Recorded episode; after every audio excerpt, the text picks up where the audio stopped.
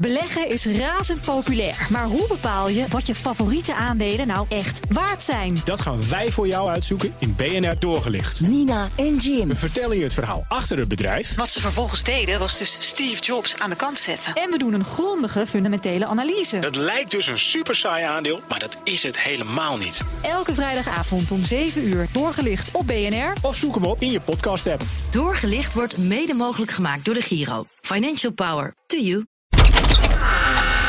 Hey, zullen we even. Ja, ik ga, kan ik je officieel toegang verlenen tot de podcaststudio? Dat eh, lijkt me goed. Eh, dan heb ik dus nu mijn eh, de corona-check-app. Laat de QR-code en je identiteitsbewijs zien bij de ingang van de locatie die je bezoekt. Ja, Dus dan- ik heb de scan-app. Ik ben de locatie. Podcast Studio BNR. Start scannen. Ja. Op afstand graag. Richt je telefoon op de QR-code van Thomas. Ja, daar komt hij. Geldige QR-code. Helemaal goed. En wat staat er verder? Controleer nu de gegevens. Achternaam. G. Dat klopt. Voornaam. T. Geboortedag. Ja, Streepje? Ja, Mei 05. ja dus, dus ik ben geboren in Oh, de maand dacht mei. was 2005. Scan volgende. Ja? Dus ik mag nu naar binnen. Komt u maar. We gaan beginnen. En nu kunnen we dus anderhalve meter loslaten. Is dat zo? Ja, want als je, nu kan je dus, eh, nu mag je dus eh, ja, doen wat je wil. Ja, jullie Summer of maar ik niet. Ik heb maar één prik, dus ik krijg sowieso nog geen, eh, geen Oh, ja. scan, toch? Dan hoor je er nog niet bij, Mark. Nee, Ik heb al wel? één, één prik. Hier, dat bedoel ik.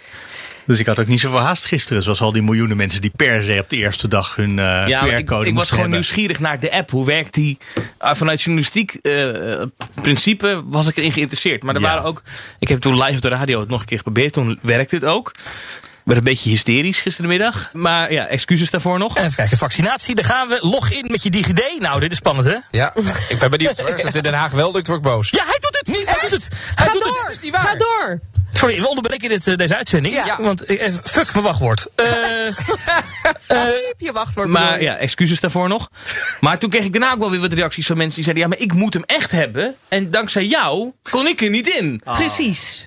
En eh, jij was zeker ook een van die mensen die dan 200 keer per dag heeft gebeld voor de Janssen prik. Nee, nee, nee, nee, nee, Gewoon nee. Om, om Hugo de Jonge te sarren. Nee, maar wel een vriend van mij die hier ook werkt eh, bij de techniek van BNR. Die heeft dat dus wel gedaan. Die liet een screenshot zien van zijn telefoon met alleen maar eh, uitgaande gesprekken naar dat nummer. Ik zei ja, dat is een beetje overdreven. Maar hij kwam er wel doorheen en hij heeft dus deze week zijn, zijn prik gehad al meteen. Kijk, Het is eh, een vrolijke week. het is een vrolijke week. Nou, dat moest ook. Ja, Ja. we, hebben, eh, we hebben echt opdracht Mariette gekregen van. Mariette Hamer dat we vrolijker moeten zijn. Dus Nogmaals, de Summer of. Love gaat beginnen. En voor we echt helemaal in de lach schieten, dit is Nieuwsroom Den Haag van vrijdag 25 juni met in de studio Thomas van Groningen, Sophie van Leeuwen en ik ben Mark Beekhuis. Thomas, was het een vrolijke week? Nou ja, het, het, moest een, eh, het moest vrolijker worden naarmate de week vorderde. Want we hebben dus bij de persconferentie van Mariette Hamer, waar we het straks nog wel over gaan hebben, kreeg ne- eh, de formatie in ieder geval, de, de partijen die praten, die kregen eigenlijk de opdracht dat het allemaal weer wat vrolijker moest worden. Aha. Eh, en naarmate de week vorderde werd het bij mij ook wel vrolijker. Maar ik denk dat jij vraagt naar het begin van mijn week. Ja, Eh, dat denk ik ook. Ja, nou, ik was dus te gast bij het programma van Wilfred Gené op televisie. En we zitten natuurlijk bij, wel vaak bij hem hier op de radio. Maar hij had dus gevraagd of ik ook een keer bij hem wilde aanschuiven bij de Oranje Zomer. Dat is dus dat programma waarbij ze de voetbalwedstrijden van het EK bes- nabespreken. Maar dat doen ze voetbal plus. We willen het ook over politiek hebben. Dus Wat ik, weet jij van voetbal? nou, eh, Je kunt er wel met je over mee het is praten. 11 tegen 11 en eh, ik weet dat het buitenspel is. Maar, eh, dus ik kwam, ging daar zitten om over politiek te praten. En dan zit je dus ook met Johan Derksen. Eh, in een talkshow. En dat is een hele leuke man trouwens. Johan, echt een hele aardige Oh. man. Ja, deze had ik ook niet verwacht. Maar echt hartstikke gezellig en aardig. Ja. Ehm, maar die wilde mij per se vragen in de uitzending: van waarom doet de PVV niet mee? Hè? Waarom wordt de PVV uitgesloten? Want dat zijn toch 1,1 miljoen stemmen. Eh, dus ik gaf de antwoord op door te zeggen dat andere partijen hen uitsluiten vanwege bepaalde standpunten. eh, de kopfoldertax, Uitspraken. minder, minder, minder. En toen heb ik gezegd dat dat openlijk racistische standpunten zijn. Nou, tenminste, volgens mij heb jij gezegd, ik heb dat ook gezien, dat fragment, dat eh, partijen, andere partijen dat racistisch Nee, vinden. ja, maar toen heb ik later een keer gezegd: je zou dat openlijk racistisch kunnen noemen. Hij heeft ooit Rutte laten vallen. eh, toen ze bijna eruit waren. Maar hoe lang kun je die man gewoon negeren? Want je negeert een miljoen Nederlanders. Ja, maar nou, daar spelen dan twee dingen. Eén, inderdaad, die ervaring die ze hebben uit 2010. Hè, die gedoogconstructie, eh, waarbij dat katshuisoverleg toen klapte. Dus daar zal Rutte nog wel eens aan terugdenken. Oh ja, die Wilders heeft me toen eigenlijk verraden. Dus daar ga ik niet nog een keer het mee proberen. Maar twee, ja, we moeten toch concluderen dat de, de standpunten die de PVV heeft... Die kunnen mensen niet zomaar vergeten. Hij heeft tegen een deel van de Nederlandse samenleving gezegd... we hebben li- liever het land uit. En een kop vol de tax, nou ja, kan nog wel even doorgaan. Kan je van zeggen, openlijk racistische standpunten. Ja, daar willen andere partijen niet mee gaan praten. En dan kan je zeggen, ja, als hij nou die standpunten dan eh, wegzet... dan is dat weer oké. Maar ja, je kan niet vergeten dat iemand dat soort uitspraken heeft gedaan Nee, natuurlijk. Ik kan me nog voorstellen dat je Wilders dat kwalijk neemt. Maar je zet ook een miljoen Nederlanders weg. Met Wilders. Die jaarlijks, of als er de verkiezingen zijn, trouw op hem stemmen.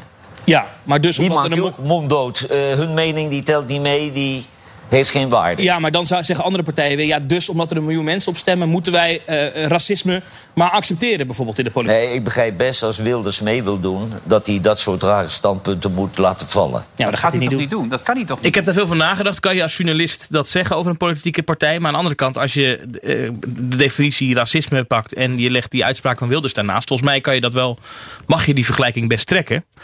Maar dat moet je, als, ja, dat, als je het dus op tv doet... als je het op de radio doet, reageren de mensen ook op. En dat zijn er tien. Hè? Dat zijn er tien en dan is het klaar. Maar En dit ik- waren eh, 17 miljoen kijkers. Eh, nou, er keken iets meer dan een half miljoen mensen, zag ik de dag erna. Maar ik, de dag erna was echt... Ik zette 's ochtends mijn telefoon aan. Ik wist niet wat me overkomen was. Ik, ik, ik, heb dan Twitter. En zeg maar, die, die pagina van eh, de, de, de vermeldingen of de reacties... Daar, daar kon ik echt minutenlang blijven scrollen naar boven. Zoveel berichten. Maar hetzelfde was bij Instagram in de direct messages. LinkedIn. Je voelde je een soort Siebert eigenlijk deze week. Ja, maar mensen waren echt boos. Want ze zeiden, ja, jij zet ons weg. En eh, dank, jij noemt mij een racist omdat ik op Geert Wilders heb gestemd. Nou, dat heb ik dus niet gezegd. Maar dat... Nee, je hebt gezegd dat die standpunten racistisch waren. Precies, maar mensen eh, ja, werden helemaal gek. Nou, ik dacht ik, nou ja, oké, dus ik alles een beetje negeren. En ik dacht, nou, dat, gaat- dat gaat wel weer liggen. En er waren een aantal accounts, dat viel me dus op, een aantal accounts met echt tienduizenden volgers. Anonieme accounts, die dat dus bleven aanjagen. En allerlei scheldwoorden, hollebolle deugneus werd ik genoemd. En heel veel over mijn gewicht. En dan een fotootje van mij erbij, of het fragmentje van het programma erbij. Maar dat werd dus ook geretweet door Martin Bosma. Tweede Kamerlid voor de PVV. Ja. En, daar en daar kwamen dan al die haatreacties onder. Nou, ik ga niet zielig zitten doen, bedoel, je weet wat er bij dat werk hoort. Maar Ja, ik, het hoort er een beetje bij, de exposure. Kamerleden hebben er ook last van. ja, maar ik vond het wel dat ik dacht, ja, maar als je ziet dat er zoveel mensen daar zo eh, met haat op reageren. Ik weet niet, moet je dat dan als Kamerlid eh, retweeten? Ja, goed, het gaat natuurlijk wel over zijn partij. De Nou, is opmerking van mij, maar Het is wel een manier om jou natuurlijk te laten weten... eh, Thomas, dat mag je niet nog een keer doen. Nee. En, en, en heeft dat effect? nee, ik heb het net toch weer herhaald hier. Ja, maar, het- Maar je het- gaf ook stemadvies, hè, volgens mij. Op het Nee, nee, nee, nee, nee, nee, nee, nee, nee, nee, nee. Dat, dat zei Johan Derksen. En toen zei ik, het klopt wel dat als je een stemt op een andere partij, dat je stem, de kans groot is dat jouw stem zorgt voor regeringsdeelname dan eh, wanneer je op de PVV stemt. Dat is gewoon feitelijk juist. Ja, Ja. toch? Maar ja, als je de PVV-overtuiging hebt, dan moet je dus stemmen nu om invloed te hebben op een partij waar je het niet mee eens bent. Ja, oké. Maar goed. Nou ja, goed. Misschien dat je bij het CDA of de VVD Maar- ook heel aardig maar terecht kan dan. Dit was de eerste keer in mijn leven dat ik een, een trollenleger, waar dus die Kamerleden ook zo vaak over klagen, dat dat achter je aankomt. Dat is best intimiderend. Maar ze staan nog niet bij je ehm, eh, aan, de voor, aan de voordeur. Breng ze even niet op ideeën. als je wil. Knip, knip. Nee, oh, hoor. dit wordt een stuk vrolijker meteen, ja. Nee, maar dat komt helemaal goed, jongens. Dus Ja, ik bedoel, ja, dat was een vrolijke het, het is ook wel zo dat het dan na, na, na een paar dagen weer... dat we het gewoon weg. Nu is het al bijna weg. Was gisteravond nog één iemand boos. Maar dat vind ik wel goed dat iemand nog de moeite neemt om daar wel een, een boos een paar over te dagen zijn. later ja. nog een paar dagen boos over te zijn. Ja, Ja. ja. Oh, komt er net weer een Oh, komt er geen binnen meer. niet zo boos doen. Hey, ik zag net dat jullie, eh, toen we de opname startten, echt op de, letterlijk op de seconde, dat je nog snel even op je telefoon keek, omdat er een mailtje binnenkwam van de Tweede Kamer. Wat was het nieuws? Dat dat is een brief eh, eh, van, de, van de Kamervoorzitter. Ehm, Dat is altijd belangrijk als je een brief krijgt. ja, er mogen weer mensen naar binnen. Maar de Kamer was toch al open? Op woensdag. Ja, volgens mij verandert er aan de bezoekersregeling niks. Dat is nog steeds maar een paar dagen. Maar ja. mag die op dinsdag en donderdag nu ook? Of, eh? Ja, oh dat, oh, dat is dan veranderd. Dan mag je drie keer zo vaak. Ja. Dat is toch heel fijn? Nog meer schoolklassen. Ja. En petities. Nou, nou, leuk. Dus dat kan weer. Het is eh, een beetje het einde van de, het einde van de lockdown, hè? Deze week. Nee, nee, het is inderdaad alleen op woensdagen. Toch alleen op oh, dat blijft zo. Ja. Maar het gaat er bijvoorbeeld ook over dat nu dus eh, wel opgeroepen wordt aan Kamerleden en aan medewerkers van fracties. om in ieder geval tot het zomerreces thuis te werken. Aha. Terwijl vanaf dit weekend die oproep er voor de rest van het land vanaf gaat? Nee, nee, nee. 50% mag naar het werk. Nou, het mag toch als je kantoor het aan kan? Of heb je Ja, dat verkeerd maar heb je begrepen? Binnenhof wel eens gezien? Oh, op het kantoor. Ja, nee. En zeker die nieuwe werkplek die wat kleiner schijnt te zijn. Ja. Nee, op de, de B67 eh, hebben we helemaal een kleine werkplek, Thomas. Ik denk dat jij thuis moet gaan werken. Ik ben langs geweest deze week. Ja, jij bent Heb je echt... foto's gezien? Ja, ik heb het gezien. Maar jij bent echt bij onze nieuwe werkplek geweest. Hè? Voor de duidelijkheid, we hebben eh, met BNR een redactie in het Tweede Kamergebouw. eh, in de zogeheten perstoren, mediatoren. En die verhuist ook mee naar het nieuwe gebouw. Eh, daar zit ook de Telegraaf zit daar en eh een Vandaag. En de NOS heeft een hockey in. En, maar ons nieuwe hokje wordt een stuk kleiner dan het huidige hokje, geloof Ja, ik. ik werd er een beetje claustrofobisch van. Ja, ik, heb je de- ik mocht ze dus niet op Twitter zetten. Dat heb jij trouwens wel gedaan bij jouw bezoek. Ja, Ik ben ook wat dat betreft eh, veel te mag braaf. dat niet? Ja, whatever. een beetje Is Noord-Koreaans. dat een, eh, een Noord- veiligingsissue? Noord-Koreaanse, ja, ze zijn heel erg met beveiliging bezig. Ze hebben ook een soort van georganiseerde hackaanval gedaan. Van, is de nieuwe Tweede Kamer ook, hè, is de hele ICT veilig? Mhm. Ik heb nog geen uitslag daarvan gehad. Maar onze Kamer is ook ontzettend veilig. We hebben een verschrikkelijk uitzicht trouwens. Dat heb ik je ook even laten zien op een soort van woontoren. Ja, dat is Nieuw Tot Babylon, in de- toch? Op Nieuw Babylon. Ja. Vind je dat leuk? Moet je er vijf en een half ja. jaar naar kijken. Het is heel Manhattan-achtig, hè? Met die grote gebouwen om je heen. Ja. Maar eh, maar wat- En- moet je vijf en een half jaar Maar naar jij kijken. zegt het is, het is veilig. Maar ik zag je er nog wel met een bouwhelm rondlopen. Dus is het echt veilig? Nou, Nou ja, ehm, ik, ik weet het niet. Het, is, eh, het, het, is nog, het stond nog in de verf. Het is nog niet af. Dat vond ik ook een beetje gek. Want onze kamer, ja, we zijn nog met, met Wanneer is de verhuizing? kabels bezig. Nou, de eerste, Eigenlijk eerste 9 mensen, juli. Ja, die verhuizen Maar die is uitgesteld. Oh. Ja. Dus wij kunnen nog, we blijven ook de hele zomer blijven we, eh, in het oude gebouw. In de perstoren wij. Mhm. En eh, we gaan volgens mij pas in augustus over. Eh, was er ook nog wat, wat aan de hand met internetverbindingen, begreep ik. Ja, Nieuws- want er is wat, wat, is, wat wel interessant is, dat begreep ik deze week echt even in detail, is dat ze zo min mogelijk externe verbindingen in het gebouw willen. Eh, vind ik nog wel interessant. Dat heeft te maken met cyberveiligheid. Want ze bang zijn dat er dus eh, ja, hackers dat, dat netwerk van het parlement proberen in te dringen. Ja. Dus om te voorkomen dat, dat de netwerken door elkaar gaan lopen, want dat schijnt dan een risico te zijn, mag eigenlijk niemand een eigen netwerk hebben. Dus eh, wij hebben nu hebben wij ons eigen wifi. Ja. eh, hebben wij hangen in het gebouw. Dat mag dus niet meer. Sterker nog, als je het wel doet, wordt die weggedrukt. Dus ze zijn daar heel streng in. En weet Ja. je wat er met de kinderopvang gebeurt? Gaat die ook mee? Geen idee, maar ik weet wel dat de bovenste etages nog leeg staan. Oh, daar kunnen ze een heel groot speelparadijs van maken. En welke Kamerleden willen we ophalen uit de ballenbak? Smalland B67. Ja, mooi. Eh, ik hoorde ook nog een ander gerucht dat eh Thierry Baudet zijn vleugel niet zou kunnen meenemen, omdat ze- de kamers te klein zijn. Dus eh, daar moet een andere plek voor gevonden worden. Is dat echt een essentieel item voor een Kamerlid? Een eh, vleugel in je vergader schuinstreep werkplek van de overheid voor Kamerleden? Eh, nou ja, voor Baudet misschien wel. Maar eh, nou ja, goed, ik speel ook piano en eh, Mark Rutte ook. Dus misschien kunnen we hem gewoon in de, in de centrale hal neerzetten. Er staat Zo'n er- zo'n zo'n piano zoals ze bij het station ook hebben. Ja, een zo- stationspiano waar je dan bij Tourbeurt kan gaan zitten. Precies. Uh, Nieuwsport heeft ook een vleugel. Uh, ook een klein nieuwtje. De opening van Nieuwsport is uitgesteld. Dat gaan we niet halen.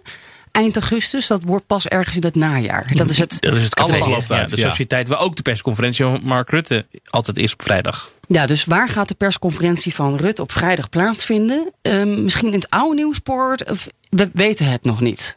Maar dus eigenlijk alles loopt uit. Terwijl de overheid zat zo, het ministerie zat zo enorm te jagen dat de Tweede Kamer echt nu over moest. Mhm. En dan redden ze het zelf niet. Dat is toch ook raar. Ja, nou ja, het is ook een beetje misschien ook wel logisch. Want er is natuurlijk heel lang achter de schermen geprobeerd om het te. Om het tegen te door houden, te laten vertragen, gaan. ja. Dit, dus- wordt het, dit wordt het, het politieke verhaal van dit najaar. Nou, dat zou ook wel eens kunnen zijn. Misschien moeten we daar langzaamaan ook eens richting gaan. Dat we een nieuwe regering hebben. Ja, nee, zeker. Maar dit, dit, Is dat niet het, eh, het maar dit, dit, dit gaat in ieder politiek programma gaat dit een rol spelen. Het wordt duurder. Het gaat, het- het- Oh ja. het- er gaat echt nog... En de verbouwing van het eh, Tweede Kamercomplex en alles Ja. rond het Binnenhof gaat sowieso niet vijf, maar tien jaar kosten. Nee, maar ja, echt, dat, dat nieuwe gebouw wordt zeg maar de fipronil van deze zomer. Zeg maar. dat, je, dat, je niet, dat je denkt, is er ook nog iets anders in het nieuws? Ja, er is toch wel een of ander dier wat ergens gesignaleerd is op de Veluwe. Ja. Ja, Uitstel, uitstel. Formatie uitstel. wilde jij naartoe. want jij begon over het begin van de week. En toen dacht ik, oh ja, begin van de week. Toen begonnen we met dat de opdracht van eh, mevrouw Hamer was aan ons allemaal dat we vrolijk moesten zijn. Nou, je Ja. hebt net al hartelijk gelachen. Het was Ja. eigenlijk ook mislukt, hè? Dat, dat moet Ja. vrolijk zijn, maar het was al mislukt. Rutte die eh, kwam aan eh, bij Hamer. En, en wat, het, wat heel leuk was, dat hij deze keer naar buiten kwam. Meteen tegen ons journalisten zei, ik ga niks zeggen. Eh, maar dat deed hij dus wel. Ja, ik kan er niks over zeggen. Het spijt me. Nee, we hebben het hele weekend gebeld en nagedacht en gedaan. Maar eh, het proces is eh, precair en alles wat ik erover zeg helpt niet. Ja, zou u niet een keer eh, regie moeten gaan nemen? Ja, weet je, dat is prachtig. Maar dan moet je, volgens mij nemen we allemaal de regie. Iedereen voelt zich zeer verantwoordelijk. Ja. Dus dat zijn van die lege hulzen, joh, die worden. Ja, maar u bent de voorzitter. Ja, maar het zijn lege- de het zijn- van de grootste partij. Ja, hè? maar met 22% van de stemmen. Dat zijn ook een beetje lege hulswoorden. Dat zijn van die fopspeelwoorden. Je zuigt erop en er komt geen smaak uit. Dus volgens mij is het wel belangrijk dat we proberen zo snel mogelijk tot vier partijen te komen die een meerderheid kunnen vormen. Vier, het moeten echt vier partijen te De maken. VVD heeft gezegd, maar dan ga ik weer herhalen wat wij vinden. Dat weet u allemaal. Heeft ook geen zin dat ik dat steeds herhaal. U kent onze positie, is niet veranderd. Afgelopen zaterdag op ons, eh, hoe heet dat tegenwoordig? Eh, nou, eh, VVD nog iets. Hebben we het ook weer allemaal herhaald. Dus, weekend volgens mij heeft het geen zin dat ik dat nog een keer doe. Dus u heeft dit weekend geen stap gezet als toenadering naar de andere partijen. Ja, zeker wel. We hebben heel veel stappen gezet, heel veel gebeld. Maar op die posities is niks veranderd. En dat heeft geen zin dat steeds te herhalen. hey, succes. Jullie zien ze allemaal vandaag lopen. Hey, help mij nou eens wat het grote probleem is met de combinatie van 17 zetels. Heb ik van de week nog eens nageteld. Als je Mhm. PvdA en GroenLinks bij elkaar optelt.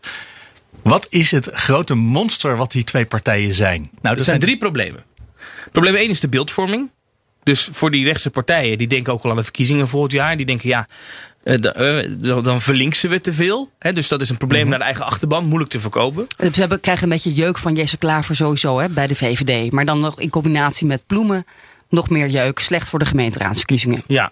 Sma- smaak 2 is, als je met een boventallige partij in een, in een coalitie stapt. Dan, eh, dan maak je het makkelijk voor een van de twee om bij sommige onderwerpen te zeggen: of we lopen weg, of we stemmen tegen. Of, En dat zorgt natuurlijk voor een hele rare dynamiek. Want Maar kan dat geldt toch omgekeerd ook? Want CDA-VVD is ook zo'n duo wat, zichzelf wat zich helemaal vasthoudt aan elkaar. Ja. En die hebben dan toch diezelfde luxe om af en toe eens te denken: weet je wat? Dit is gewoon te links voor ons. Wij doen even niet mee. Het was wel het argument eh, in ieder geval van Rutte om deze week te zeggen. Dat zei hij nu voor het eerst heel duidelijk. Dat je vijf partijen is instabieler dan vier partijen. Vier is al best wel instabiel of Ja. veel risico's. Vijf is een stap te ver. Ja. En, en dus de angst is dat, ze dan, dat, dat, dat, dat je daar dan dus eh, onderlinge ruzies over krijgt. Omdat Ja. er eentje halverwege wegloopt. Nou, En het CDA en VVD kunnen niet weglopen, want die zijn numeriek nodig voor de meerderheid. Want als, als uit die combinatie het CDA Ja, wegloopt, dan heb je eens geen paar- meerderheid meer. Een paar principiële CDA-leden zijn die zeggen: nee, maar dit is echt eh, voor ons een stap te ver. Ja. Dan kunnen, dan kunnen er gewoon de helft van de fractie kan afhaken. ja. En dan smaak drie. ehm, en, en, en dat, is nog, vind ik nog wel een interessant argument. Dat haalt Rutte ook een paar keer aan. Die zegt, we hebben het vaak over nieuwe bestuurscultuur, meer dualisme. Dan is het best gek als alle partijen met wie je kan samenwerken in dezelfde coalitie zitten. Want dan hoef je dus nooit meer met mensen buiten die coalitie zaken te doen. Ja, dat is Dat- waar. Dus dan pleit je eigenlijk voor een minderheidsregering. En dan ontstaat er dus geen debat. Ja, maar eh, wat wij horen is het probleem met, met minderheidskabinet. Is dat we een aantal parlementaire enquêtes op de rol hebben komende jaar. Het gaat over de, onder andere de fraudejacht. Hè, onder andere toeslagen en ook andere uitvoeringsinstellingen. Groningen. Er komt ook misschien nog eentje over corona aan. En ehm, ja, dan moet je natuurlijk wel echt kunnen, kunnen bouwen op je partners. Als je dan in een minderheidskabinet zit, je bent afhankelijk van, van eh, gedoogsteun of iets dergelijks. Dan wordt dat wel een heel wankel kabinet. We hebben al eerder voorspeld dat dit volgende Ja. kabinet gaat maar twee jaar zitten. Stel je voor dat je de rit zou willen uitzitten. Zit je hem dan, zit je, heb je dan niet liever gewoon Gert-Jan Segers in je kabinet? Of hè, een beetje een stabiele, Ja. rustige partij. Ja, jullie die denken Gert-Jan zijn verantwoordelijkheid Maar hij zelf nemen. denkt van niet. En D66 denkt ook van niet, hoor ik steeds maar. Nou, dan heb je Sigrid Kaag niet gehoord in de Kamer deze week. Eh, die werd gevraagd door Farid Asserkan, geloof ik, van Ja. Denk. eh, naar de roestige auto. De Ja. roestige auto, eh, deze ChristenUnie, die zei, waar ze eerder naar- aan refereerde. Ja, toen kregen wij het in de media nog even ervan langs, want we hadden haar verkeerd geciteerd, zei ze. Ja. Ja, mevrouw de voorzitter. eh, mevrouw Kaag eh, heeft over het doorstart van de huidige coalitie, inclusief de ChristenUnie, gezegd dat ze dat niet wilde, omdat dat zoiets is als doorrijden in een roestige auto. Dat is een harde uitspraak. U zegt over uw huidige coalitiepartner, de ChristenUnie, dat met die partij doorgaan is als rijden in een roestige auto. En mag ik ervan uitgaan dat dat betekent dat u dus niet met de ChristenUnie in die roestige auto wil gaan? Of houdt u van rijden in roestige auto's? Mevrouw Kaag. Ja, nee, ik ben heel blij. Ik ben niet altijd blij met de vragen of opmerking van de heer Wilders. Zeker niet op Twitter. Uh, maar uh, dit is wel een goeie. Want uh, u heeft een fragment gemist wat niet is uitgezonden. De vraag aan mij was, uh, was gericht aan mij over medisch-ethisch. De vraag was, weglopend van de stadhouderskamer...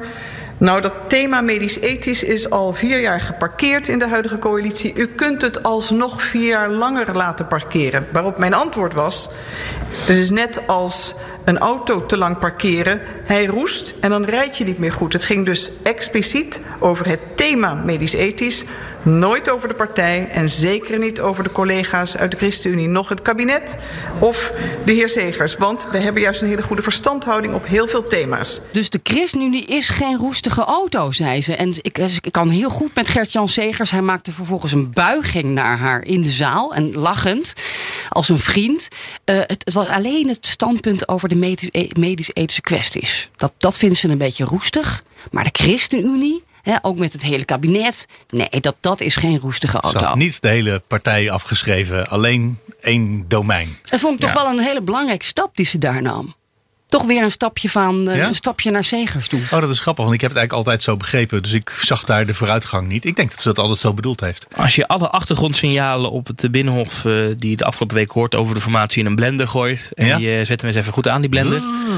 Dan komt daar ChristenUnie uit. Dat, is, dat, dat, Dus de- de dat wil niet zeggen dat het dat per se wordt. Hè? Dat is geen glazen bol voorspelling. Ik heb er maar Maar de volgende wijn regering is eh, de vorige regering, of de huidige? de, gewoon een voortzetting van de huidige coalitie. Omdat je- dat, je merkt dat bij meer partijen, eh, dus bij VVD, CDA en D66 achter de schermen, ze nu toch wel inzien dat dat eigenlijk de meest reële optie is. En het gaat ook goed, want het huidige demissionaire kabinet gaat vrolijk verder. Vrolijk. Eh, Ze gaan hartstikke vrolijk verder. Het was ook wat Hamer ook zei bij de persconferentie afgelopen Mhm. week. Dat er allerlei, allerlei dingen, die kan de Kamer nu al gaan regelen met het demissionaire kabinet. Dat sorteert eigenlijk al een beetje voor op. Ze blijven gewoon lekker zitten. Misschien dat er nog een ministerspostje her en daar wisselt. Dat zal wel, dat weet ik eigenlijk wel zeker. Maar dat is het dan ook. Maar Ja. eigenlijk, we zitten nu een hele zomer te wachten tot ze gaan onderhandelen. Mhm. Terwijl jullie eigenlijk zeggen, nou we weten welke partijen het moeten gaan worden. Waarom gaan die niet om tafel zitten nu dan met z'n vieren? Want we zitten nu te wachten op die paraviertjes van eh, de VVD en D66. Ja, omdat dus de ChristenUnie met Pasen nog Rutte eh, bij het grovel zetten. Ja? En dus dat die, hond, die wond moet nog even helen. En, en, en de ChristenUnie heeft wel gezegd, we zijn als laatste aan de beurt. Dus de ChristenUnie zal denk ik willen dat ze het, zodra dat conceptregeerakkoord van Kaag en Rutte er is, dat ze toch het een keer proberen met Ploemen en Klaver, met de Partij van de Arbeid en GroenLinks. En als dat dan niet lukt, dan is daar Gert-Jan Segers die zegt, we gaan het wel proberen. Ja, ik heb Dat, dat, dat is Ja, geen voorspelling, dat maar dat zou, jouw scenario, ja. dat, dat zou een scenario zijn waar in ieder geval andere partijen wel van denken: oh, nou, dat, dat zouden we wel willen. Hey, ik heb daar meerdere flessen wijn op, Dure wijn? Ja, op ingezet. eh, goede flessen wijn. Ja, eh, met een aantal mensen in het gebouw. Ik wil even niet zeggen wie. Maar eh, ik voel ook wel eh, veel, eh, veel steun. Heel veel mensen zien dit scenario ook. In het Tweede Kamergebouw. Ik heb nog even gebeld. eh, ook met de ChristenUnie zelf. Van wat, wat is dan. Wat willen jullie dan eigenlijk? Want bij het vorige regeerakkoord waren er toch wel een paar meloenen die ze moesten doorslikken. Eh, dat ging bijvoorbeeld over dividendtax en het kinderpardon. Hebben ze er uiteindelijk uitgekregen. Maar die gaan hun huid natuurlijk wel duur verkopen. En eh, da- dat is ook een reden om te wachten. Te wachten, te wachten. zo- Zodat, zodat uiteindelijk daar een prachtig wensenlijstje van Gert van Zegers op tafel ligt. Bijvoorbeeld over nou, Lelystad Airport. Daar hebben we nog steeds geen duidelijkheid over. Of die luchthaven eh, open gaat of niet. Dus eh, iets wat heel- eh, VVD-minister van Nieuwenhuis natuurlijk heel, heel, heel graag wil. Waar ze Ja, er was van de week nog een, een de- debat over in een commissievergadering. Waarin volgens mij werd gezegd. de vliegtuigen blijven voorlopig laag vliegen. En een voorwaarde voor opengaan is dat ze niet laag vliegen. Dus toen dacht ik, nou, als de overheid zich aan zijn woord houdt. En dat is niet altijd zo, maar stel. Eh, Dan, eh, dan gaat dus Lelystad helemaal niet open voorlopig. Ik kan me voorstellen dat er ook nog wel een wensenlijstje is. Eh, e- een van de meest pijnlijke dingen voor de ChristenUnie was toch de Moria-deal.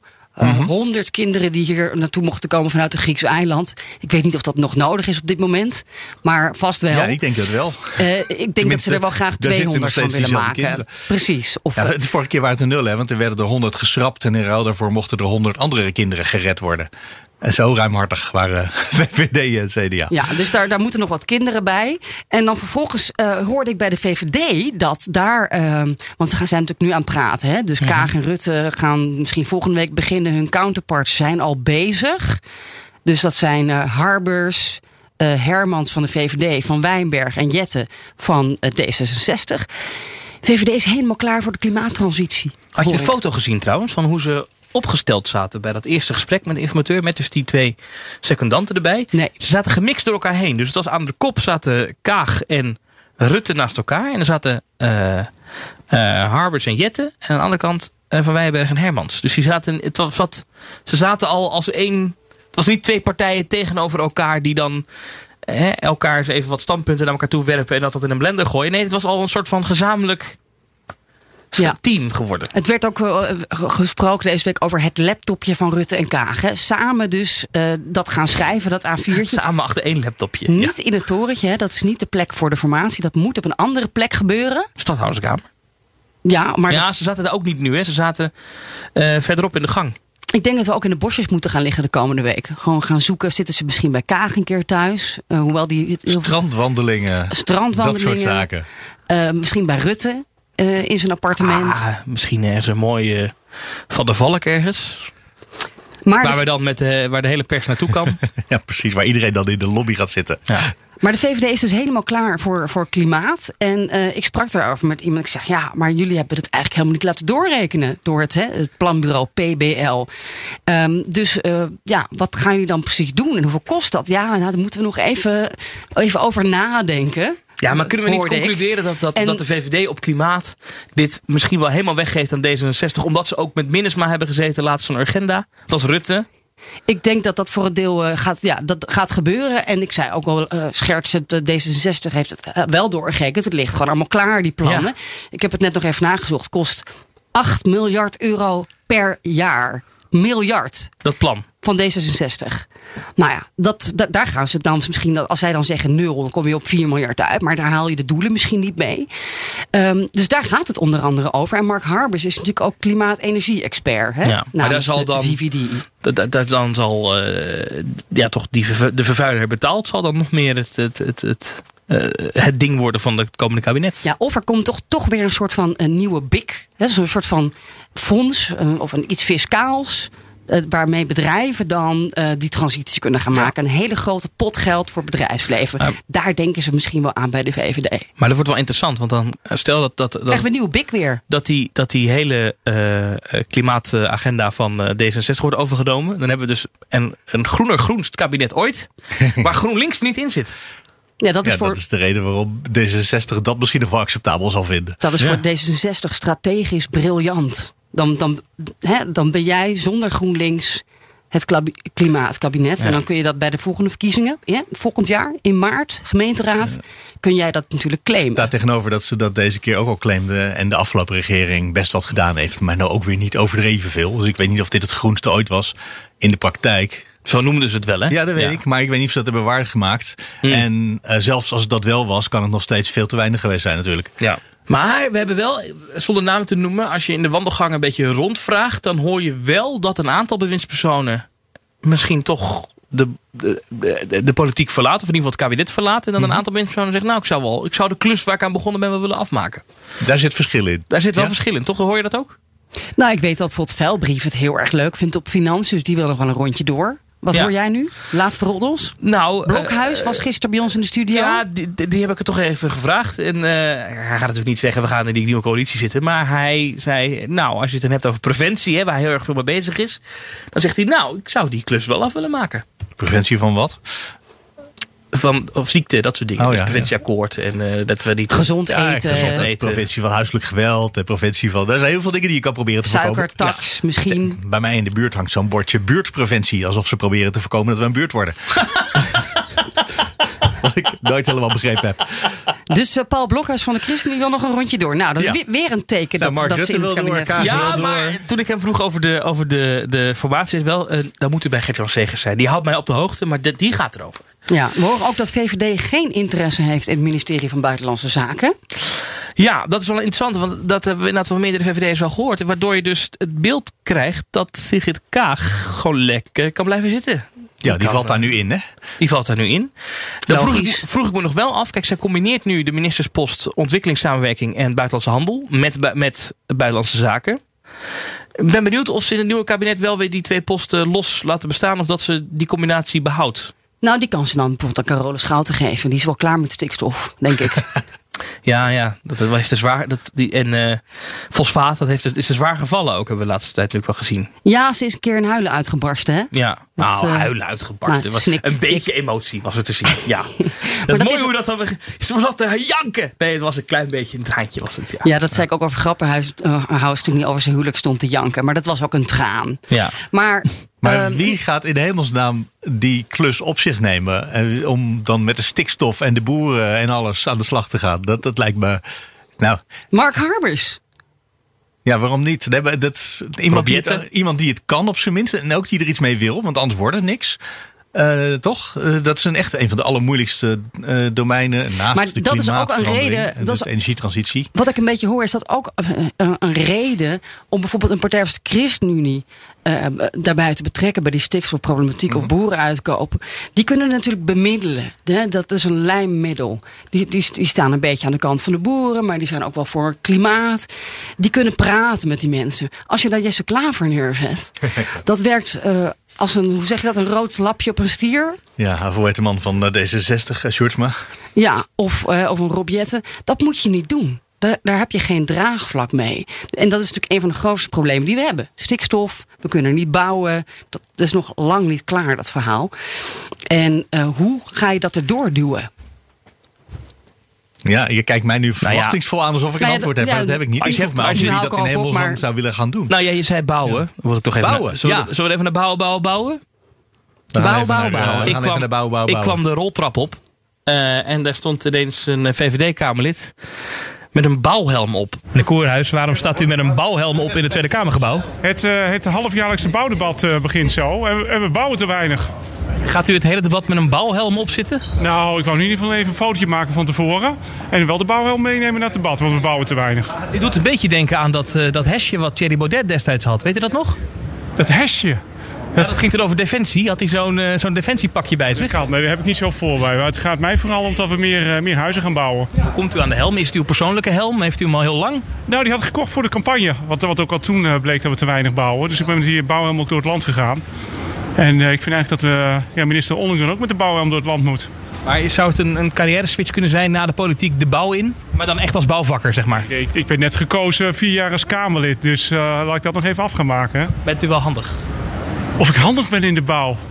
Ja, dat, weet ik niet. Nee, laten we eerst maar even Kamerlid zijn. Dat is al een diepte-interview, eh, de- Ja. Thomas. En eh, ook een partij die natuurlijk al tien jaar in het kabinet zit. Ja, want en dat is niet natuurlijk genoeg heeft gebouwd. Precies, dat is natuurlijk het ding. Het is heel makkelijk om te roepen bouwen, bouwen, bouwen. We bouwen te weinig, we moeten meer doen aan bouwen. En het woningtekort, we hebben niks gedaan om het woningtekort op te lossen. Ja, dat, je zit zelf in de regering al tien jaar. Ehm, Ja, ik, Maar die vraag heb je hem ook nog wel even gesteld. jawel, maar dat is voor, voor een latere uitzending. Ga ik het nog een keer met hem uitgebreid met hem doen. Maar eh, ik vond het nu even leuk om te focussen op, op het verkleedpartijtje gisteren op Binnenhof. Want ook eh, Laura Bromet van eh, GroenLinks stond in een regenboogtrui in de, in de Kamer. Dus het leek wel een soort van carnaval. We bijna- Ik denk, nou, we hebben, we hebben al een bouwvakker, nu nog een politieagent en een Indiaan. We hebben de Village People. Het is een vrolijke week. Het was een vrolijke week. maar ik vind wel als je zo- zo'n gimmick, zo'n bouwhelm opdoet, dat je iets beter moet voorbereiden op vragen die misschien ook grappig worden. Ja. En Maar hij hij- is daar, daar doet hij niet goed in. Nee, maar hij heeft dat, dat bouwen, bouwen, bouwen. Dat, dat zit zo bij hem erin. Hè? Dat, dat, Ja, dat hij roept het om de haverklap. Als iemand hem vraagt, hij heeft in commissievergaderingen, dan blijft hij dan ook, eh, ja, dat betekent dus wel minder stikstof, minder stikstof, minder stikstof, minder boeren, minder boeren, minder boeren. Ja. Want dat hoor ik hem er niet meteen bij zeggen. Nee, het is vooral bouwen, bouwen, bouwen. Ja. En ook de plek. Dat is ook dat is want eenzijdig. even daarna vroeg eh Farid Azarkan Die stond namelijk toevallig daar op, bij dat balen. Die loopt daar regelmatig langs. Die vroeg hem: Ja, maar hoe gaan we dan? Waar gaan we dan bouwen? En dan roept hij: Ja, slimmer bouwen. Ja, maar wa- wat bedoel je dan? Slimmer bouwen en meer bouwen. En het, het, het blijft wel een beetje aan de oppervlakte dat bouwen, Ja. bouwen, bouwen. En eh, dat is ook de collega's van WNL opgevallen. Chico Debbenhof daar. En ja, daar hebben ze dus deze jingle van hem gemaakt. Bouwen, bouwen, bouwen, bouwen. Bouwen, bouwen, bouwen, bouwen. Het is zo flauw, maar ik moet niet zo om lachen. Het is, is eh, Daft Punk, hè? Ja, Ja. Er is een hele simpele oplossing. Misschien moeten we dat volgende week even regelen vlak voor het reces van de zomer. Ga gewoon met z'n allen massaal in je vakantiehuisje wonen. Er Oh. worden, iedereen wil een vakantiehuisje. Er worden er bouwen, bouwen, bouwen. Duizenden, honderdduizenden neergezet. Ga Ja. er gewoon in wonen. Ja, maar dit wordt wel iets, iets wat heel belangrijk wordt op die formatietafel. Waar dus ook die klimaatplannen worden besproken. Dat bouwen is echt een thema. Waar? In het groen, niet in Niet het in het groen. wel in het wat groen, gaan ja. we doen met ons landschap? Hoe moet ons landschap er over 30 jaar uitzien? Eh, staat heel Nederland dan vol met die blokkendozen en met eh, Zweedse architectuur eh, appartementencomplexen? En Of gaat de regering erover? Of is dat toch iets van de provincies, zoals nu? ja, en dat is wel echt een, een vraagstuk waar, waar misschien ook wel de journalistiek te weinig mee bezig is. Want het is wel echt een thema voor de komende tijd. En, en de grootste partij van ons land eh, roept dus alleen maar bouwen, Ja, bouwen. bouwen, en verder, bouwen. zonder eh, gedachten erachter. En, en eh, daar moeten we denk ik meer over, hebben, eh, over praten de komende tijd. Gaan we doen dan? Zullen we het over het coronadebat hebben? Er was van de week natuurlijk weer een, een briefing en een debat gisteren. Heb je het eigenlijk gezien? Zeker. Nou ja, ik heb een stukje van gezien. Er zijn eh, inspirerender debatten geweest dit jaar. Nou ja, eh, het, ging, eh, het ging over de Summer of Love. En ehm, die voor ons Had Hugo de Jong het over de Summer of Love? Reisjes nou? naar Mallorca. Dat was onder andere Adje Kuiken van de PvdA, die die ook corona doet. Best wel heel veel zorg in de Kamer over de Delta-variant. Ja. Ehm, dat eigenlijk En de gewoon. versoepelingen die immers dit weekend ingegaan zijn dan, of ingaan. Ja, dus wij zijn allemaal super blij. EK voetbal. In het buitenland kijken ze naar ons van. Zijn die Nederlanders nou weer mee bezig? Dat doen ze eigenlijk al. Vorig jaar was dat ook zo, hè? Met de mondkapjes. Ja. Eh, wat, eh, wat gaan we doen? En we, we kunnen dus een vierde golf misschien al intekenen voor het najaar. En je zag het, Hugo de Jonge daar ook op anticipeert. Dus die heeft het eigenlijk al Die klaar heeft al liggen. eh, gezegd, dat is goed, die vierde. Laat maar komen. Nou ja, die zegt sowieso, ik ga de hele zomer ga ik doorvergaderen. Dus hij gaat met zijn laptopje op vakantie. En, en niet ja, in de waagvlam noemen ze dat. Vorig jaar Ja. ging dat natuurlijk heel erg mis. Ja, vorig jaar werd de waakvlam uitgeblazen. Ja, en nu blijft hij op een heel klein vlammetje blijft hij aan. En wat gaan we doen? Er komt een routekaart in september. Krijgen we een nieuwe routekaart? We krijgen een nieuwe routekaart. Ach man, de, elke keer als er een nieuw besluit genomen wordt, wordt er een nieuwe routekaart gemaakt. Dus ik zat daarnaar te kijken en denk, oh nee, niet weer, niet weer. Maar er staan hier interessante dingen op deze kaart, of hebben we die nog niet? Nou, ik, we hebben hem nog niet. Maar ehm dit is een situatie waarin dus meer mensen, veel mensen zijn gevaccineerd. Maar dan krijg je allemaal brandhaarden. Bijvoorbeeld in de grote steden, waar grote groepen. En op de, in Staphorst, waar mensen niet zijn gevaccineerd. Dus het is een beetje een gekke, gekke kaart wordt dat. En wat ga je er dan mee doen? Nou, Hugo de Jonge zegt, we gaan regionaal ingrijpen. Dat klink- klinkt ook een beetje bekend in de oren. Dat hebben we toch ook al eerder gedaan? De poging Ja, dat je dan eerst... dat niet. Precies, dat dat dus niet werkt. Dat gaan we weer doen, maar we gaan wel vanuit Den Haag. Het kabinet heeft dan de regie in welke regio, dus in Staphorst, bijvoorbeeld Bijbelbelt, we gaan ingrijpen. Dat gaat Den Oké, dus de regio's beslissen. raken wel hun bevoegdheid kwijt, maar het wordt wel weer regionaal. Ja, en dan hopen ze dat, het dan, dat je dan dus de mensen niet naar de Randstad gaan om te shoppen. En eh, de- dat dus de, de Bijbelbelt in de Bijbelbelt blijft. En dat dat dan geen uitbraak in andere regio's veroorzaakt. Ja, ik vind het een interessante strategie waar ik denk van ja, zou dit keer wel gaan werken? Ja, vorige keer een van de dingen waarom het niet lukte was omdat, omdat gewoon die burgemeesters dan dat eng vonden. Hè? Kijk, als jij als, als vanuit Den Haag zegt kroegen in noem eens een willekeurige woonplaats moeten dicht. Is dan een goed voorbeeld Ja, altijd. dan, dan kan je dat wel roepen. En dan, eh, maar als je daar de burgemeester van bent, dan staan ze voor je deur. Dus dat is, dat is veel moeilijker. En, eh, en daarom. Ja. eh, dat- Dus dat- misschien dat het wel werkt dat op het, deze manier. nou, dat het in ieder geval sneller gaat. Hè? Dat je Ja. eerder kan ingrijpen. Want als je te lang wacht, dat hebben we in ieder geval geleerd. Als je te lang wacht met ingrijpen, ja, dan gaat het Dan mis. krijg je zeker die vierde golf. Ik vind trouwens, bedenk ik, die, de manier waarop de regering met die routekaart omgaat, wel heel knap. Want ze wilden geen routekaart. En er moest een routekaart komen van de Kamer, dus toen hebben ze een, een kaart gemaakt. En elke 100 keer keer doen ze. Ja, precies. Dus ze hebben effectief nog steeds geen routekaart gemaakt. En toch maken ze er steeds een. Dus ze ondermijnen gewoon datgene wat ze doen. En ze wilden dat ook niet. Dus ze bereiken precies wat ze willen. Dat is wel heel knap hoor, toch? En wat bereiken ze er volgens jou mee? Nou, dat ze geen routekaart hebben. Want elke, elke volgende maand dat er weer vergaderd wordt, komt er een nieuwe routekaart. Dus die routekaart die je vorige keer gekregen hebt, die is niks waard. Nee. En er komt over twee maanden komt er weer een. Dus die je morgen krijgt, is er ook niks waard. En dat is ook wat ze wilden. Want ze wilden helemaal geen routekaart. Ja, maar Dus daarom het moet is Hugo de Jonge. knap hoe ze zichzelf ondermijnen op een domein waar ze ook niks wilden doen. Maar daarom moet Hugo de Jonge wel de hele zomer vergaderen. Ja. Dat is Nou wel een beetje zielig. keuze. Maar ja, dat is, ja, op zich vind ik Het- dat is wel sowieso logisch. goed, want we hebben vorig Ja. jaar gezien dat dat nuttig is. Dat de, Nou, de de regering niet weggaat. De burgemeesters die dus het coronabeleid moeten uitoefenen, eh, die gaan wel in, ook in, in, in zomerslaap. Dus die vergaderen nog één keer, geloof ik. En dan, Hm. Maar dat kan eh, dan ook, want het wordt centraal eh, wordt er Ja. een groep meegedeeld dat er in eh, nou, de regio Staphorst een Oost-Appingedam. probleem ja. Een heel klein waakvlammetje. Ja. Ja.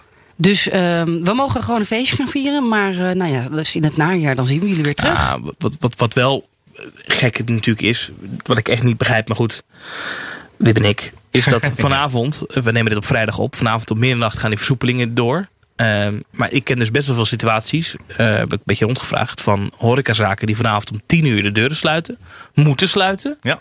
En dan om middernacht weer open gaan. Oh, leuk! Zullen we daarheen? Ja, maar heeft dan niemand dat bedacht dat dat gaat gebeuren? Ik vind dat toch een beetje maar een hoe, gekke. er- hoe erg is dat dan? Nou ja, maar ja, ja oké, het is niet erg, maar... En dat was vroeger in Rotterdam. Was er, misschien is dat er nog steeds wel. Daar, daar mocht je open zijn als je een discotheek had tot een uur of vijf, geloof ik. Ja, dan ging je een uurtje dicht en dan ging En dan je... moest je om, vanaf zes uur de volgende dag, dus een uurtje later, mag je weer open. En dan was er iemand die had een bus gemaakt. Mhm. Met hele harde luidsprekers erin om een uurtje rond te rijden. Waardoor het feestje dus eventjes in de bus ging. En dan terug een uur later weer naar binnen. Naar de afterclub. Ja, Ja, ja, maar dat was natuurlijk gewoon dezelfde club die een uur eerder dicht moest.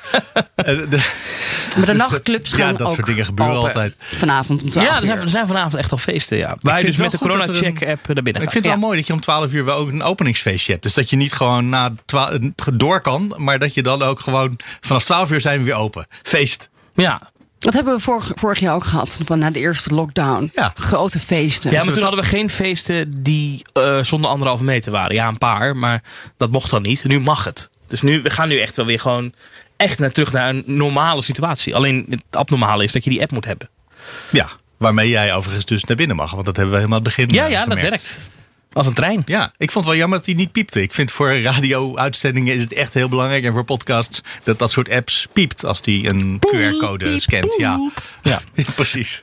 Welkom. Man, nou hoorden we hem niet. Nu hoorden we alleen maar eh, dat jij zei, hij is groen. Wij zouden het nog kunnen hebben, en dat houdt mij de afgelopen dagen bezig, met Hongarije en eh, de homo-wet die er aangenomen is. En hebben natuurlijk gisteren in Europa een Europese top gehad van allerlei ministers, waar eh, Mark Rutte, onze premier, heel hard het debat ingegaan is. Als Orbán homo's zo wil behandelen, dan moet hij misschien maar de Europese Unie uit willen. Ja. Hij- Artikel 50. Hij heeft hem Ja, uitgedaagd deze- zelfs. nee, hè? artikel- ja, dat, moet, dat moet dan Hongarije zelf aanvragen. Ja, van ga er dan uit, ga Ja, dan weg. Ja. ja, precies. En wat ik dus, waar ik dus benieuwd naar ben, en ik heb er zelf geen antwoord op, misschien jullie wel. Waarom werpt Rutte zich zo op in dit debat? Nu.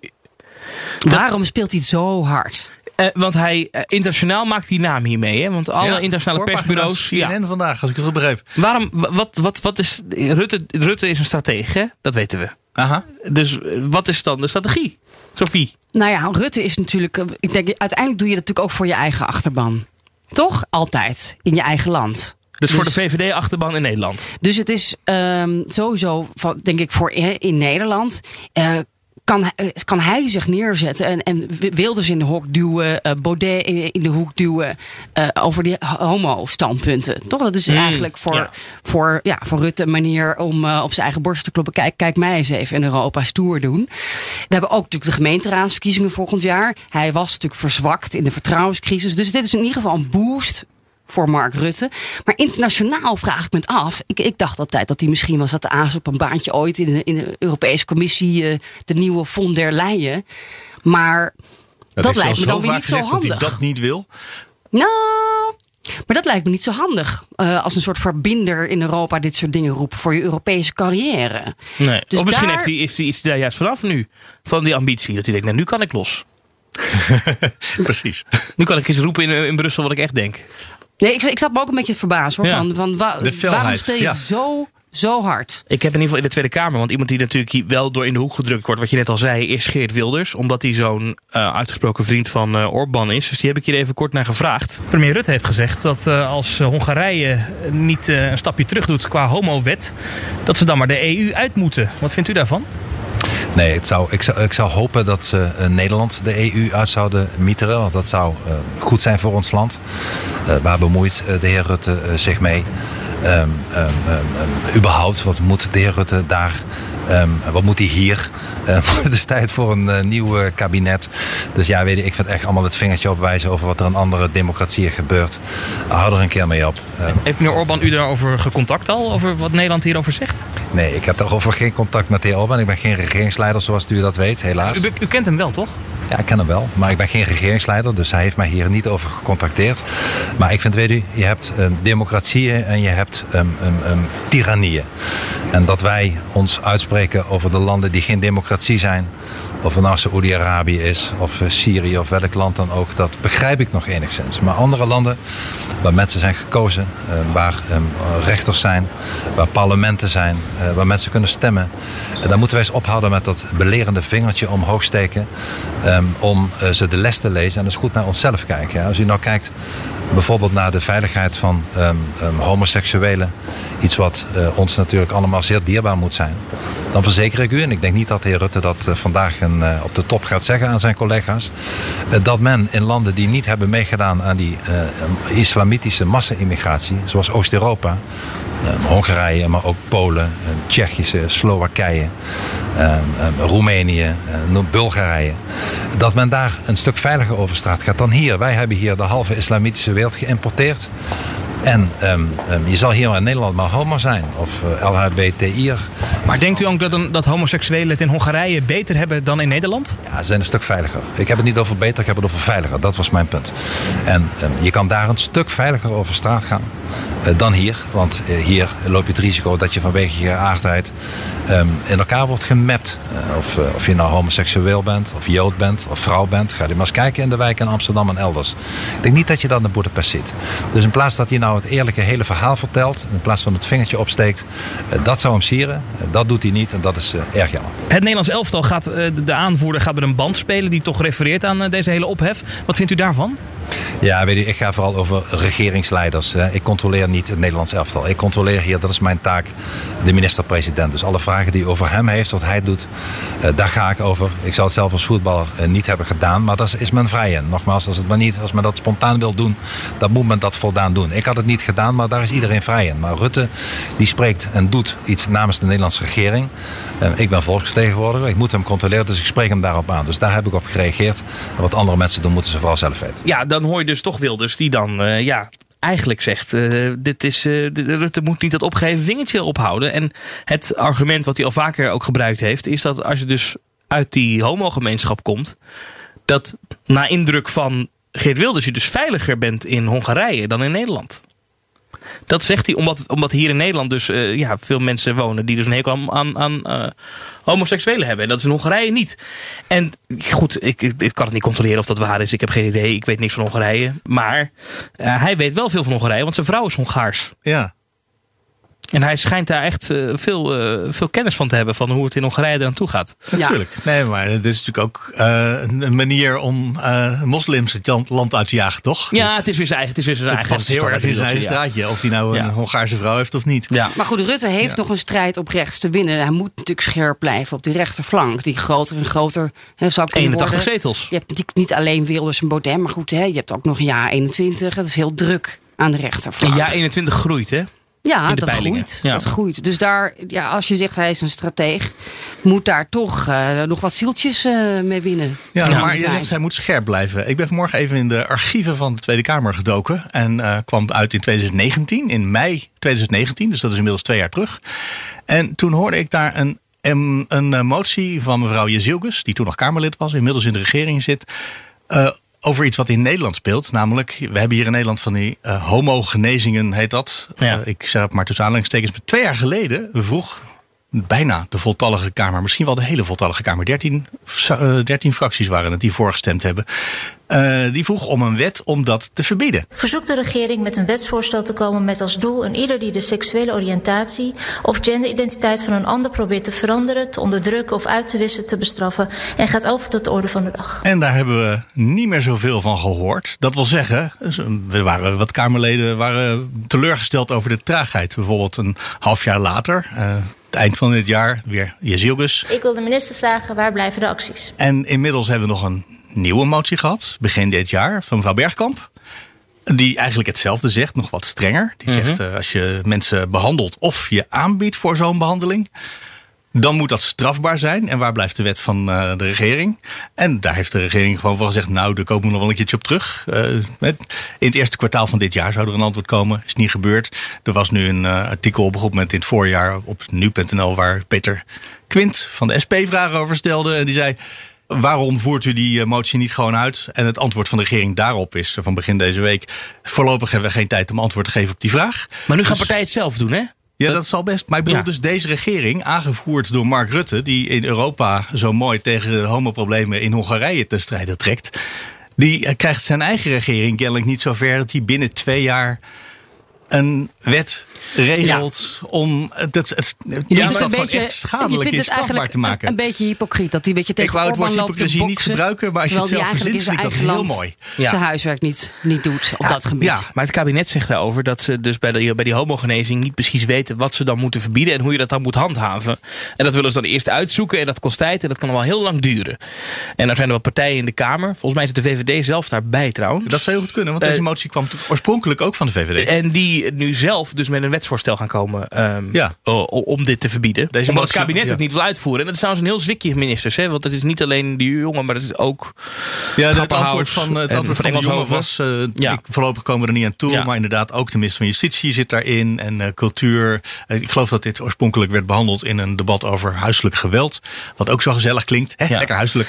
Het is natuurlijk een thema hoor, daar gaat het niet om. Maar, maar, maar ja, ik snap wat je bedoelt dat je dan in het buitenland ga je Als je, roept zo hij hard als die er de afgelopen dagen inging. Dat voelt toch heel anders dan zo traag als ze met die wet bezig zijn. Ja, oké. Maar er is natuurlijk wel een verschil in tussen eh, dit aanpakken. Dit is natuurlijk een probleem, hè. Maar dit, zijn, eh, dit is natuurlijk een iets kleiner probleem dan wanneer je eh, een land hebt waar het voor 11 uur s'avonds verboden is om homoseksualiteit op televisie te laten zien. Zeker. Maar we leven natuurlijk ook in een land dat vaak politiek gegijzeld wordt door, ja, komen we toch weer op de Bijbelbel terecht, door de kleine christelijke partijen. Hè, dus de- ook de SGP, die vaak meerderheden moet bieden. De ChristenUnie, nou misschien is het ook wel weer een voorteken, weer een van de velen, dat die toch misschien in het volgende kabinet moeten gaan zitten. En dan wil je die wet niet.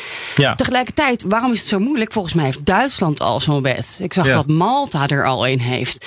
Ja, het maar wij kan hebben dus hele goede wel. juristen in de regering zitten. Dus die vinden altijd een probleem waarom iets niet kan als ze dat uitkomt. Nederland is natuurlijk ook ergens eh, een, een diep, diep, diep conservatief land. eh, op, op bepaalde Wat plekken. zeg je nou? Wij waren toch een diep socialistisch Kamer. land? Dat Ik heb ik zie van hier Mark bijvoorbeeld- Rutte zelf. Ik zie bijvoorbeeld dat- Centrumrechts. dat in Ja. Arnhem dit in de, in de gemeenteraad eh, speelde. Ja. Eh, ook de homogenezing debat. En daar was bijvoorbeeld de ChristenUnie, daar, de lokale ChristenUnie, stemde tegen een lokaal verbod op homogenezing. Ja. En ik eh, kan me bij het CDA ook weerstand... eh, We zijn wel tegen, maar we zijn ook tegen een verbod. ja. Ah ja. Dus eh, misschien moeten Orbán en Rutte nog eens even met elkaar gaan praten. Maar, Maar- jij zei, wij zijn een diep conservatief land. Volgens mij hoorde ik Rutte een eh centrum-rechtsland nu zeggen deze week. Wat echt iets anders is dan het diep socialistisch land. Wat hij een paar jaar terug Ja, nog zag. en ook iets anders dan een eh, kabinet met GroenLinks en de PvdA. Een centrum-rechtsland. Ja. Ja, ik Hoe moet, hoeveel flessen wijn weer, moet ik er eh, nog op inzetten? Maar hoe moeten we dat dan? Ja, is dat gewoon een aanwijzing dat we de ChristenUnie dus gewoon centrum-rechts er weer bij? Trouwens, de ChristenUnie vindt zichzelf links. Ja, maar goed, centrum. Nee, als je kijkt op de stemwijs, dan zie je de ChristenUnie precies in het midden. Ja. eh, onder D66 staan. Dus het is een middenpartij.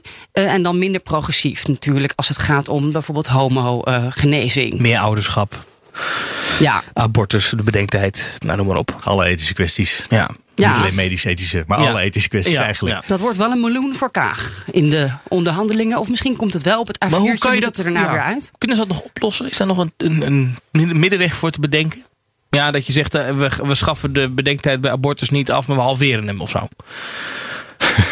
ja, dat soort dingen kan dat is je letterlijk een middenweg. Ja, ja. Of je mag wel eh, meer ouderschap, maar eh, dan maximaal drie ouders. In plaats van vier, weet ik of zoiets. Ja. Nou, er is nog, Nee, eh, daar ga je een grens over, denk Oh, dat- ik. Ja. ja. dat past niet in het Bijbelse verhaal. er is nog een ander cadeautje. Volgens mij kunnen ze ook nog wel over CETA hebben. Daar is de ChristenUnie ook heel kritisch op. Op het CETA-verdrag, het handels, vrijhandelsakkoord. Mm. Eh, Dat is een, eh, het kindje van Sigrid Kaag. Ja, in haar voormalige rol als minister van, eh, van hand, Buitenlandse Handel. Dat ligt nog ergens op een stapel. En daar moet nog wat aan gesleuteld worden. Maar dan ruilen we dus de, de, de, de homorechten of de, de meer ouderschap of dat soort zaken. Die eh, ruilen In we dan uit tegen handel met dieren in eh, Canada. Bijvoorbeeld. Wij moeten eens een keer een ritje naar Amersfoort maken.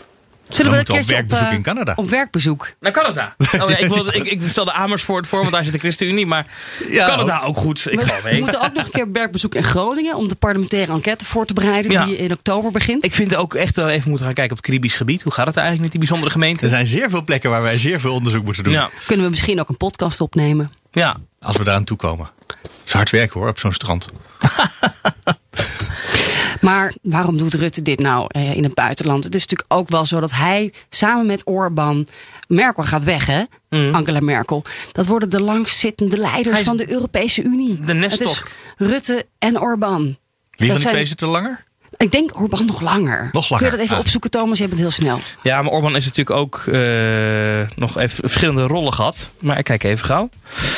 Wikipedia, dames en heren. Altijd goed, hè? Hij was van 1998 tot 2002 premier. En sinds 2010 is hij dat opnieuw. Ja, dan Oh, zijn ja. ze samen de meest langzittende leiders van Europa. En zij gaan dat ja, een beetje bestieren. En Rutte kleedt natuurlijk ook het leiderschap. Als Angela weg is, Dat zou het hè, kunnen zijn. de leider van het noorden. Gewoon de positie van Nederland of van zichzelf in de Europese Commissie en de Europese Raad vooral eigenlijk. Dat hij die daar probeert nu te bestendigen. We komen aan het einde voor deze week. Je kan altijd reageren. Mail naar nieuwsroom.bnr.nl of nieuwsroom.fd.nl. Dit was Nieuwsroom Den Haag voor deze week. Volgende week maandag is er weer een gewone, nou ja, gewone. Is er weer een reguliere aflevering van Nieuwsroom. Ze zijn altijd een, beetje, altijd een beetje bijzonder. En volgende week vrijdag, dan is er weer een Nieuwsroom Den Haag. Met Sophie van Leeuwen, Thomas van Groningen en Mark Beekhuis. Tot volgende week. Oh, ik moet eigenlijk nog even reclame maken voor iets. Eh, maandag in Nieuwspoort sta ik met Mona Keizer een Q&A te doen... over de transitie, herstel en transitie van Nederland. En je kunt meepraten. Dus, eh, of je kunt ook gewoon langskomen. En wordt het gewaardeerd als ik dan eh, meepraat en alleen maar vragen over Pieter Omtzigt ga stellen? Oh, leuk. Ja, doe maar. Ja? Ja. Ik, ik heb dat niet eh, met haar woordvoer besproken, maar die Ja, dat is gewoon een in. kijker, die Ja, stelde een vraag. Ik heb een vraag van Thomas. Ja, kijkersvraag van Thomas. Het kan, Ja. ook, het kan ook online. Dit is een hybride avond. Het is een nieuwsport. Ik had haar van de week heel kort even- Die kan je ook live zien op Politiek 24. Of misschien anders met vertraging wordt hij daar uitgezonden Ja, meestal. En op Ja. de website van En op de website Ik daar. had Mona Keizer heel Oh, kort gesproken afgelopen week. Ja. Oh, toen naar buiten kwam dat het niet gelukt was om met die zes partijen eh, eh, te gaan formeren, was maandag. Toen vroeg ik aan haar, bent u teleurgesteld? Toen zei ze, waarmee? Ik, ik geef niet mee. Zei ik, ja, dat het niet gelukt is. Er was niks Oh veranderd. nee, nee, maar daar ben ik helemaal niet mee bezig. Ik heb, ik, ik, heb genoeg werk te doen eh, met, de- met, de- met de corona en dat soort dingen. Dus Oh, nee, die- daar hou ik me helemaal niet mee bezig. Die wil ze. nog wel blijven in de volgende periode ook. Dat zou best kunnen. Dat zou oh ja, best eens kunnen. ministerschap. Zou ze economische zaken zelf kunnen Dat krijgen? zou ze wel willen, ja. Of toch Nou, buitenlandse kunnen handel? krijgen is wat anders dan willen. Ja, dat is waar.